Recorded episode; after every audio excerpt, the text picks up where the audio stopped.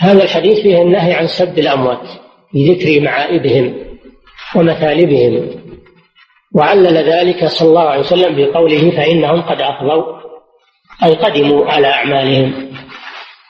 فلا فائدة من من سبهم. انتهوا إلى ربهم سبحانه وتعالى وهو الذي يتولى جزاءهم. التعليل الثاني في الرواية الثانية فتؤذوا الأحياء يعني من أقاربهم. فسب الأموات معلل بعلتين. أولا أنه لا فائدة منه لأنهم قد ماتوا وانتهوا وختمت أعمالهم. وثانيا أن هذا يؤذي أقاربهم من الأحياء ويسيء إليهم. فلا يجوز سب الأموات إذا كان لا يترتب عليه مصلحة شرعية إلا لمجرد الخوض في أعراضهم. أما إذا كان يترتب عليه مصلحة شرعية كان يكون هذا الميت له أعمال سيئة وله آثار قبيحة على الإسلام والمسلمين فيحذر منه ويبين معائبه حتى لا يقتدي به أحد. إذا كان له آثار سيئة مؤلفات سيئة أو أنه من الكذابين الذين يكذبون على الرسول صلى الله عليه وسلم فتبين حاله. إذا كان من الرواة تبين حاله أنه لا يوثق بروايته. العلماء ما زالوا يذكرون الجرح والتعديل في رواة الحديث وهم أموات. لا من أجل مسبتهم أو التشهي بأعراضهم وإنما من أجل النصيحة للمسلمين لئلا يغتروا بهم ويتأثروا بأقوالهم أو بكتاباتهم.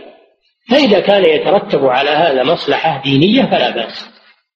أما إذا كان لا يترتب عليه مصلحة إلا مجرد التشهي فهذا لا يجوز. لأنه لا فائدة من ورائه ولأنه يؤذي أقاربهم من الأحياء. الله تعالى أعلم وصلى الله وسلم على نبينا محمد على آله وصحبه أجمعين.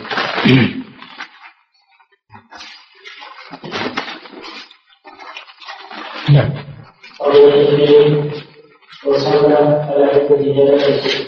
وصلى على عدة جنازة وصلى حتى له في كل جنازة إن شاء الله إذا صلى على عدد من الجنائز وسار شيعها إلى المقبرة وحضر دفنها يكتب له إن شاء الله أجر فضل الله واسع.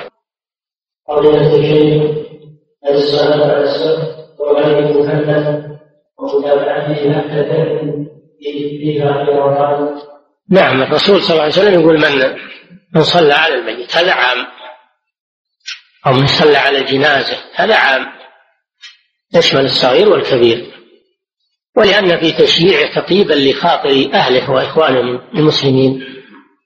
وفيه خطوات وفيه تذكر الآخرة وفيه مصالح.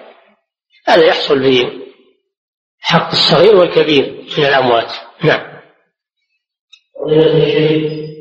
بعض الناس إذا مات الميت يقول وقال الميت بإعطاء أهل الميت هل يجوز هذا الأذان؟ هذا الأذان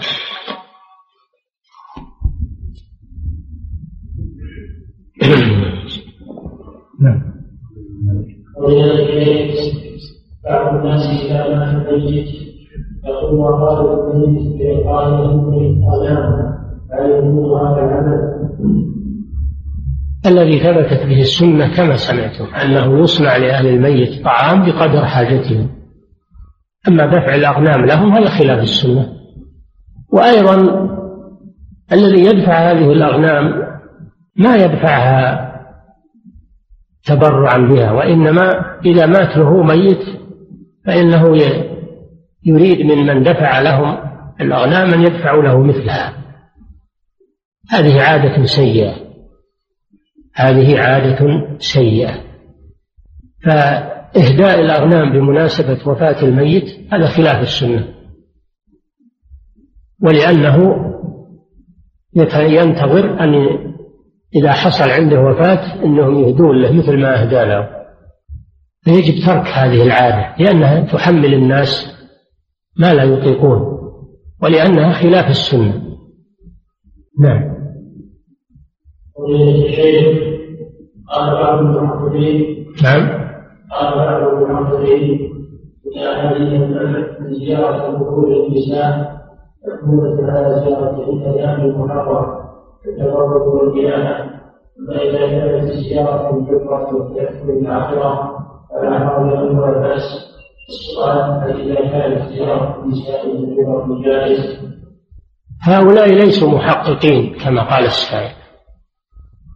ليسوا محققين. التحقيق في مطابقة السنة هذا هو التحقيق. وهذا الكلام مخالف للسنة. الرسول ما خصص ما قال إذا كانت الزيارة لأجل كذا وكذا. هذا من عنده تعليل من عنده هو. الرسول عمم قال لعن الله زائرات القبور. وفي رواية لعن الله زوارات القبور. ولم يستثني عليه الصلاة والسلام.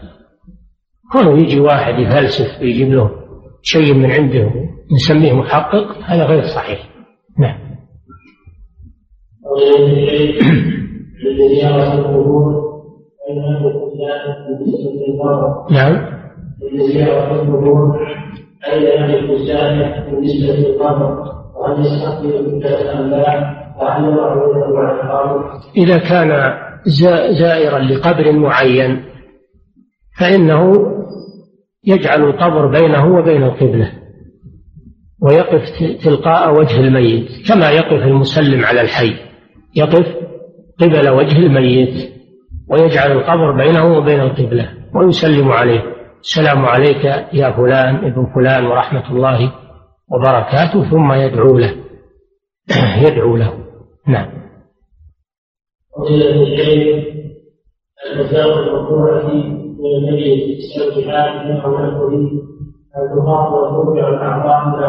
يعني الجواب السابق قلنا يستقبل الميت وجه الميت عند السلام. يستقبل وجه الميت عند السلام فيكون مستدبرا للقبلة مواجها للميت. لأن وجه الميت إلى القبلة. فيأتيه من جهة قبلة القبر ويستقبل وجهه ويسلم عليه. فإذا أراد الدعاء له فإنه ينحرف ويجعل القبر بينه وبين القبلة ويستقبل القبلة ويدعو له.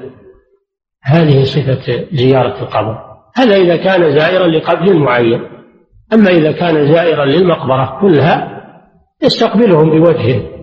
كل المقبرة يستقبلها بوجهه ويدعو لهم كما فعل النبي صلى الله عليه وسلم. نعم.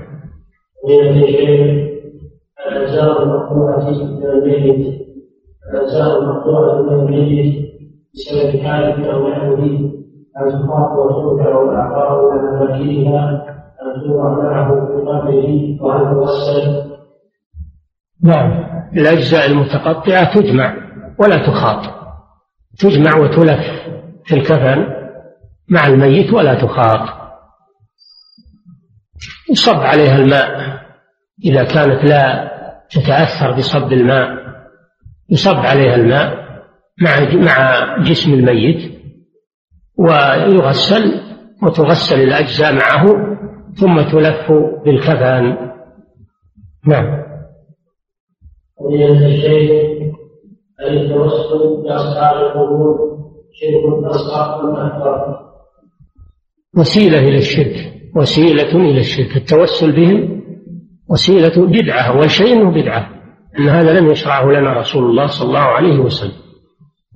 وكل بدعة ضلالة كل ضلالة في النار. وثانيا أنه وسيلة إلى الشرك لأنه إذا توسل بهم فإن هذا يجره إلى دعائهم والاستغاثة بهم من دون الله عز وجل فيؤول إلى الشرك الأكبر. نعم. وصلته السيارة وتوفي صاحب السيارة ويدعوه الحياة التالية إذا كان الخطأ عليه بنسبة 25% أو إذا كان الخطأ على صاحب السيارة المقاتلة بنسبة 100% فعليه الكفارة أما إذا كان الخطأ على المقابل مئة بالمئة فليس عليك شيء. وأما إذا كانت عليك نسبة ولو قليلة في الحادث فعليك الدية وعليك الكفارة. عليك النسبة من الدية نسبة إن كان عليك ربع النسبة عليك ربع الدية كان عليك نصف النسبة عليك نصف الدية وأما الكفارة فتجب كفارة كاملة. ولو ما عندك إلا واحد في المئة تجب عليك كفارة كاملة. وهي عتق رقبة فإن لم تستطع فصيام شهرين متتابعين. نعم. أن الطعام الأيام الأولى أم في الثلاثة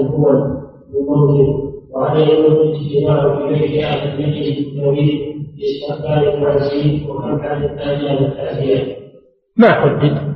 ما حددت الأيام للتعزية ولا لصنعة الطعام. ما حددت الأيام؟ ما داموا مشغولين بالمصيبة ومحزونون بميتهم ولا يتفرغون لخدمة أنفسهم فإنهم يساعدون ولو في يوم أو يومين أو ثلاثة. وأما الاجتماع اليسير من أقارب الميت واللي يجون يسلمون ويمشون فلا بأس بذلك. إنما الكلام عن الترتيب والإجتماع الذي يرتب يحط له احتفال ويحط له آه، ترتيبات خاصة هذا هو الممنوع. أما مجرد أن المصاب يجلس في بيته ويمر الناس يسلمون عليه ويعزونه وهم ماشيين هذا ما في شيء إن شاء الله نعم تسبب بقتل شخص بدون اتينا أهل الدين ولله الحمد ولكنه لا يستطيع أن يصوم لأنه كبير السن لا يوم مسكين كفارة القتل ليس فيها إطعام وإنما ذكر الله فيها خصلتين فقط الأولى العتق فمن لم يجد فصيام شهرين متتابعين. إذا كان ما يستطيع لا يكلف الله نفسا إلا وسعها. كان ما يستطيع الصيام ولا العتق لا يكلف الله نفسا إلا وسعها. نعم. قضية الشيء لو أن قد أفسد قلوب الناس بما يليه من الذي يرى في حياته بدعه أو كان وما كان من بيت الإسلام والمسلمين المسلمين في كتبه وأقواله. ومن حكم لو فيه الله وجهه ونحو ذلك لا هذا ما يأتي لفائدة دعاء عليه وما يأتي لكن يحذر من أخطائه. يقال فلان حصل منه كذا وكذا في كتابه الفلاني ذكر كذا وكذا فليحذر منه. أما الدعاء عليه وتقبيحه وشتمه هذا لا داعي له. نعم. لأن الغرض هو بيان أخطائه لئلا يغتر بها أو يكون أحد من من أتباعه ما يدري عنه فينبه على ذلك لئلا يستمر على طريقته. أما تناول شخصيته باللعن أو بالسب أو بالشتم هذا لا داعي له. نعم. بعض الموتى تكون فيه ظروف بسبب بعض العمليات التي تكلفه بعض وفاته وقد تأخذ منها صريح ودم لا تستعمل بعض الرواد الفاسقة قبل تسجيله أو بعد تسجيله. ينظف ما في شك ينظف الجرح من الدم ومن الصديد ينظف ويوضع عليه قطن يوضع عليه القطن والحنوط الذي فيه طيب يوضع على الجراحة نعم. إذا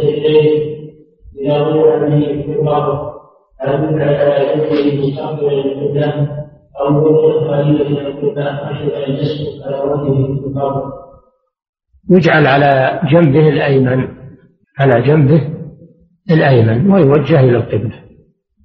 نعم. لقوله صلى الله عليه وسلم الكعبة قبلتكم أحياء وأمواتا. ولا يوجه توجيها يسيرا وإنما يجعل على جنبه.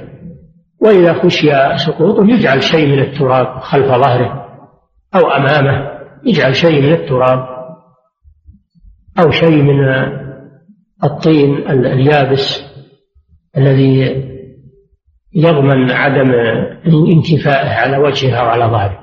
نعم. هل على الميت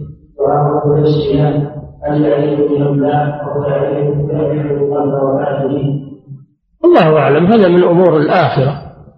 الشيخ شيخ الإسلام ابن تيمية وابن القيم يقولان ان إنها استفاضت الآثار أن الميت يعرف من زاره ويسمع كلامه. الله أعلم ما أدري إيش الآثار ولا أدري إيش ما هذه دعوة الله أعلم بها. الحاصل ان أن أحوال القبور من أمور الآخرة التي لا يعلمها إلا الله. فنحن ننفذ ما أمرنا به الرسول صلى الله عليه وسلم من الزيارة والدعاء لهم. وأما أنهم يسمعون أو ما يسمعون أو يعرفون أو ما يعرفون الله أعلم بذلك. وإن قاله من قاله. نعم؟ نعم.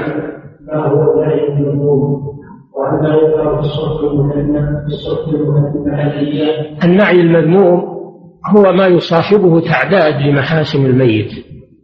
أما النعي الذي هو مجرد خبر عن وفاة الميت من أجل الصلاة عليه وحضور دفنه ومن أجل أيضا إذا كان لأحد عليه حق أن يأتي لأخذ حقه فهذا لا بأس به. هذا لا بأس به. النبي صلى الله عليه وسلم نعى النجاشي في اليوم الذي مات فيه يعني أخبر عن وفاته لأجل الصلاة عليه والدعاء له. أما النعي الذي هو مثل نعي الجاهلية ذكر محاسنه ومدحه وهذا لا يجوز. نعم. الشيخ ما حكم بموت الميت طيب. إخبار المساجد بموت الميت من أجل أن يصلوا عليه ويحضروه هذا شيء طيب. ترى فلان يصلى عليه في المسجد الفلاني من أجل أنهم يحضرون؟ طيب. نعم. وإليك الشيخ كنت مسافرا في الأسبوع الماضي وعند عودتي جمعت بين صلاة الظهر نعم. نعم. كنت مسافرا في الأسبوع الماضي نعم. وعند جمعت بين صلاة الظهر والعصر قبل وصول القيام من الأخير ثم وصلت للقيام قبل حلول وقت العصر إلى المغرب وذلك أن صلاة العصر من السفر بعض الحقوق في صحتها أن يسكن بيان فيها لا بد إن شاء الله. صلاتك صحيحة لأنك يوم تصليها وأنت مسافر ويجوز لك القصر والجامع. وصلاتك صحيحة إن شاء الله ولم بالعافية. والصحة. نعم. على الإنسان وأن الناس فيهم نعم هو الكلام إذا كان فيهم إذا كان فيهم فهو ما يذكر. يعني هذا من الطعن في أنسابه أما إذا كان ما هو فيهم هذا كذب وافتراء أشد. لا يجوز تناول الأنساب. لا يجوز تناول الأنساب بالطعن والتنقيص. والأنساب لا تغني شيئا عند الله. قال الله تعالى يا أيها الناس إنا خلقناكم من ذكر وأنثى وجعلناكم شعوبا وقبائل لتعارفوا إن أكرمكم عند الله أتقاكم. قال تعالى فإذا نفخ في الصور فلا أنساب بينهم يومئذ ولا يتساءلون. فأما من ثقلت موازينه فأولئك هم المفلحون. ولو كان أنه من أخف الناس نسبا. ومن ومن خفت موازينه فأولئك الذين خسروا أنفسهم. وإن كانت من أشرف الناس نسبا في هذه الدنيا. الأنساب لا قيمة لها عند الله وإنما القيمة بالعمل الصالح وتقوى الله سبحانه وتعالى. ولما يحصل من الطعن في الأنساب من المفاسد وإشاعة الفتن بين الناس ولما فيه من تنقص المسلمين إلى غير ذلك من المحاريب. وفيه الإعجاب إعجاب الإنسان بنسبه. لأنه إذا طعن في نسب غيره فمعناه أنه معجب هو بنسبه. نعم. الله تعالى